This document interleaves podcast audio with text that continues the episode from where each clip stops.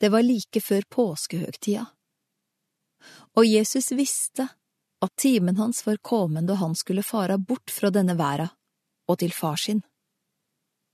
Han hadde elska sine egne som var i verda, og han elska deg heilt til det siste. Da de helt måltid, hadde djevelen alt gjeve Judas, sønn til Simon Iskariot, den tanken i hjertet at han skulle svike han. Jesus visste at far hadde gjeve alt i hans hender, og at han hadde gått ut fra Gud og gikk til Gud. Da reiser han seg fra måltidet, legger av seg kappa og tek et linklede og bind om seg. Så slår han vann i eit fat og tek til å vaske føttene til læresveinane og tørka dei med handkleet som han har om livet. Han kjem til Simon Peter, og Peter sier til han, Herre, vaskar du mine føtter? Jesus svarer, Det eg gjør, forstår du ikke nå, men du skal skjøna det, sier han. Aldri i eva om du skal vaske føttene mine, sier Peter.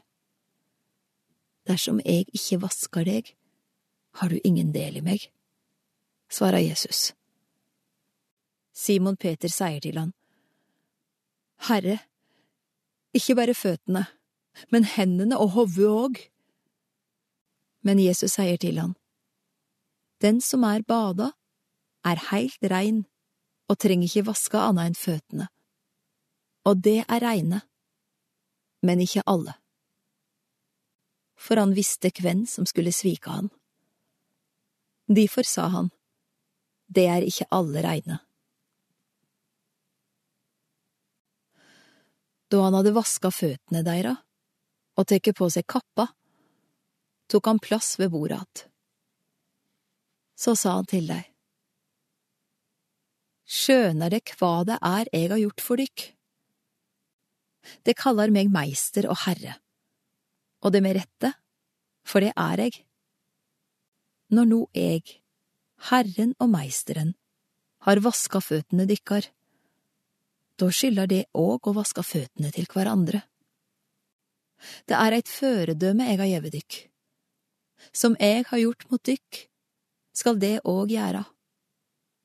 Sannelig, sannelig, eg sier dykk, ein tjener er ikke større enn herren sin, og ein utsending er ikke større enn den som har sendt han. Nå veit det dette, og sele er det, så sant det gjør etter det.